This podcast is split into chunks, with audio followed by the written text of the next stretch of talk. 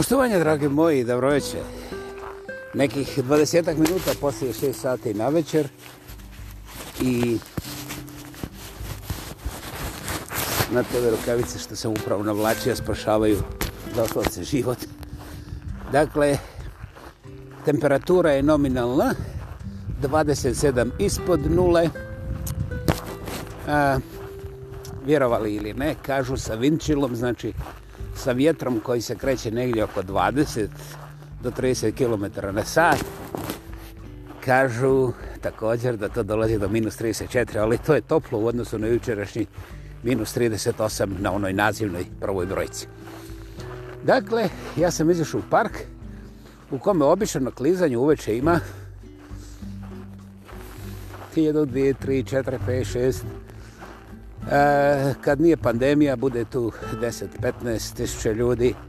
Ali eto, večeras da vidimo. Ja se ne računam.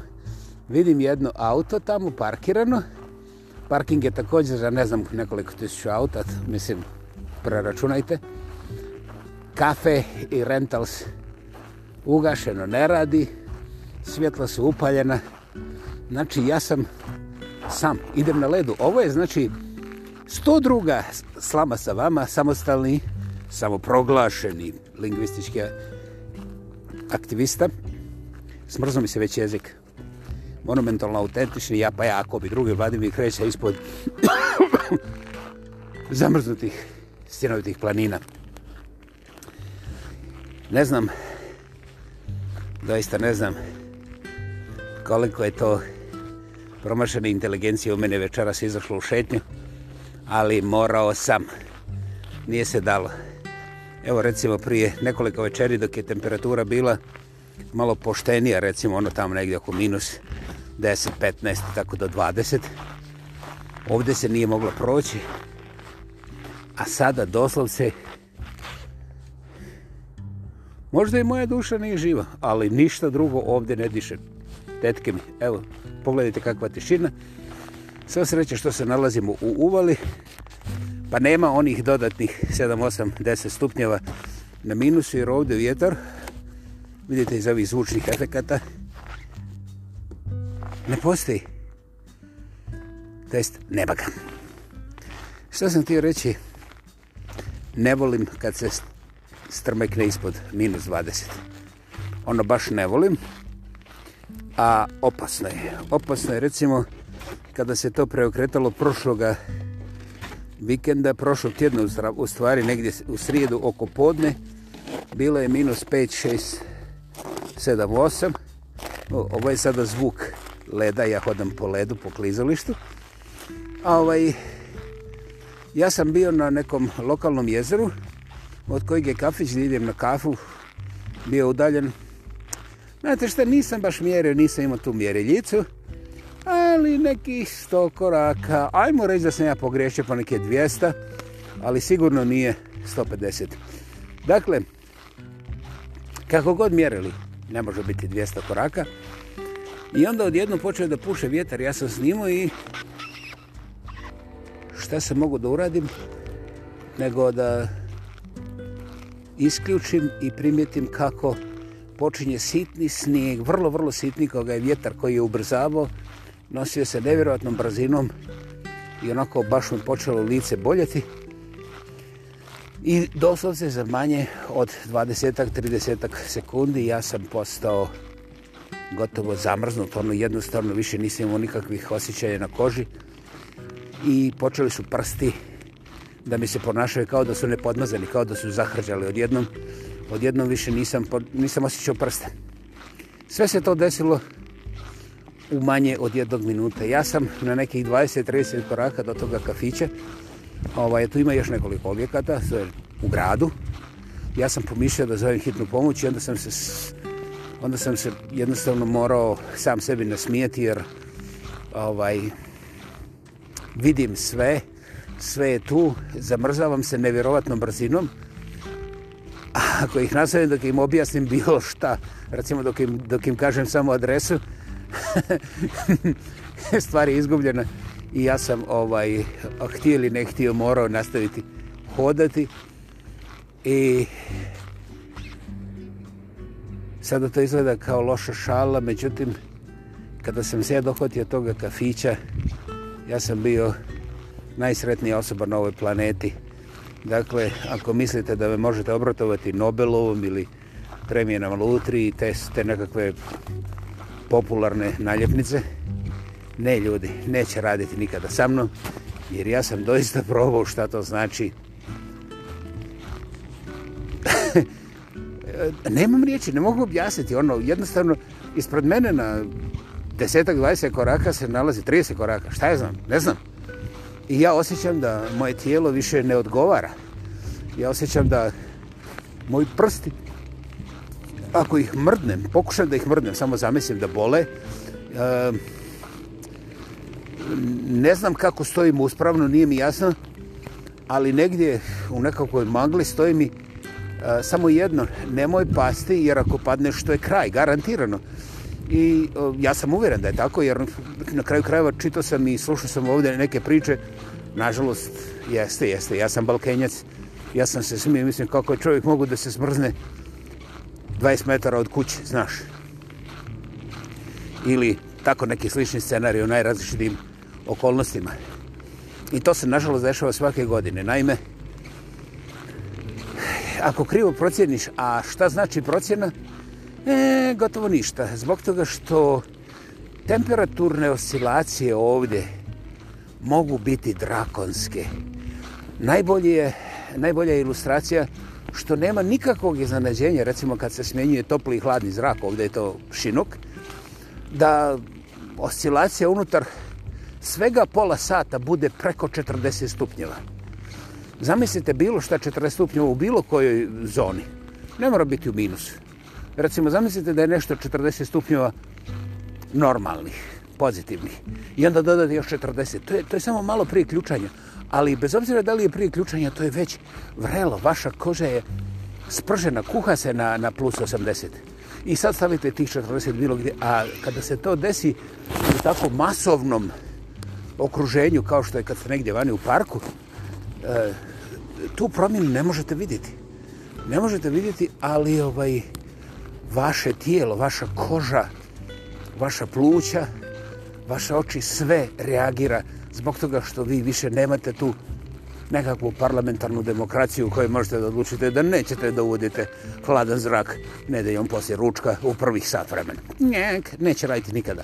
Dakle, gospoda, zaboravite svoje zatocenosti. Mnogi su htjeli da dokažu drugčije i, nažalost, najteže oni, onima koji prežive taj šok, jer uh, drugog izlaza osim od udova, prstiju, uh, cijeli šaka, nogu, uh, i, i, i svih komada tijela koji su bili izloženi, ovaj, nema, nema drugog načina nego jednostavno se mora kiruški ostraniti, jer inače čovjek umire u najgore mukama. Znači, vrlo rijetko se postižu rezultati koji bi bili onako potpuno poželjni, naime da nema posljedica.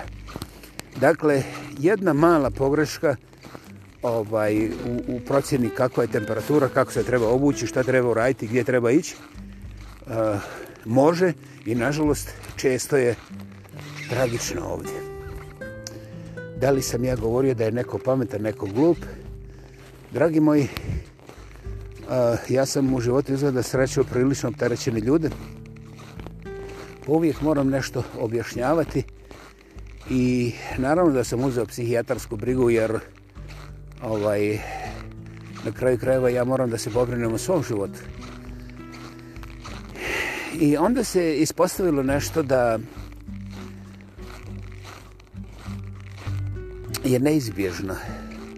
Ljudi, ne zanima me da li je niži stupanj inteligencije, ali sasvim sigurno znam da su nekulturni ljudi sa ograničenim, ograničenim obrazovanjima ili obrazovanjem uglavnom monumentalno šuplji I kad dirneš, kad dirneš bilo koji prozor, znači bilo koju informaciju, njima je odmah propuh, oni su odmah životno ugroženi i moraju da, da škvrče, da vrište, da pitaju, da dokazuju, da objašnjavaju, da znaju da je ovako bilo. Ma kako ti možeš meni i tako dalje i tako dalje. Naravno, ne treba nam nova partija, treba nam novi veliki psihijatar, ali ja bih to odbio sutra da mogu jer ti ljudi ovaj to ne žele zbog toga što oni sve znaju kakvi psihijatri to je zavrne. I ovaj, znači, ta sirovost i ta zatucalo, za, zadrigla zatucanost, ona je uvijek u pravu i kad kažeš recimo da tamo da je parking za 2000 auta, oni odmah idu prebrojiti. Kaže, ne, City of Calgary je zapisao, zapisao da imaju 6352 stols i to je samo ukoliko je a, snijeg manji od pola metra, jer ako je snijeg veći od pola metra, onda oko 20% stol, znači negdje oko 1500 stol, znači parking place, će biti zauzeti za e, taj equipment, za čišćenje i naravno snijeg ne može uvijek da se odveze tolike količine, pa će onda snijeg biti pohranjen na neki od tih parking. Dakle, onda nećemo imati 6200, nego ćemo 4528. Ej, znaš šta, zabole me. Ako sam ja rekao par tisuća, za mene je to potpuno precizno. Zašto? Ne mislim naplaćivati, ne mislim održavati i znaš šta, ne mislim brojati. Ja samo kažem par tisuća zato što je to nekako daje orijentaciju onome kome sluša da nije par desetaka, pa čak ni par stotina, nego je ovako baš ozbiljan komad jeli, asfalta gdje može da se smijesti malo veći broj auta.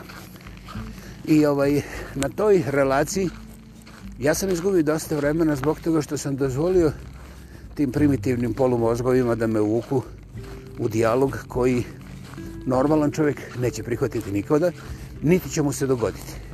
Isto kao na primjer u ovome slučaju nagle promjene temperature koja da nije bilo tog pojačanog vjetra jer e, nije bilo snijega koji je padao nego to, je, to su bile mali komadići snijega koji su podignuti od snijega koji je već na tlu i onda tako maleni oni su zamrznuti, ledeni i strašno bolno se zabije znaš, sa sreće što vjetar ne može da podigne neki veliki oblak, nego to, je, to su mali pojedinični komadići, ali su užasni.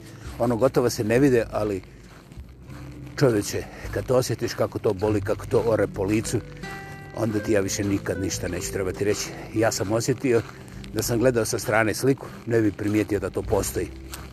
Dakle,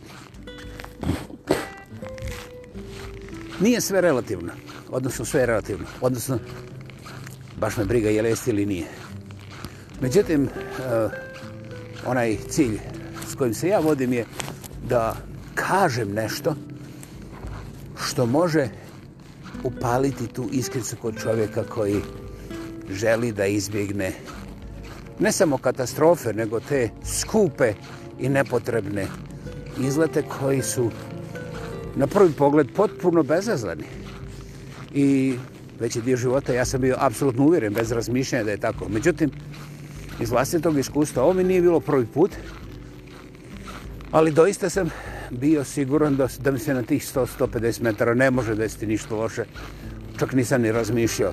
Međutim, kada je temperatura okrenula, kažem u vrlo, vrlo kratkom vremenskom periodu, tako brzo prema dolje, a, situacija nije imala šansu da se razvija. Ja sam se od, odjednom našao u dramatičnoj borbi za svoj vlastiti život. I to je u stvari nešto što je sukladno svim onim lijepim, mudrim pričama moje bake. I ovaj, ja sa oduševljenjem se vraćam tome i zahvalim se i njoj i dragome Bogu, jer ona kaže, sine, nikad ne znaš šta te čeka, na sljedećem koraku. Ja mislim, pa, pa ako hoćeš jednom prekinuti, sad ti mislim, žilaviš, pilaš već, šta ja znam, milion godina. Ja sam bio, šta ja znam, ja se sjećam toga kad sam bio, šta ja znam, 12, 13, 14, 15, ko zna, tako nekako. Ali se sjećam.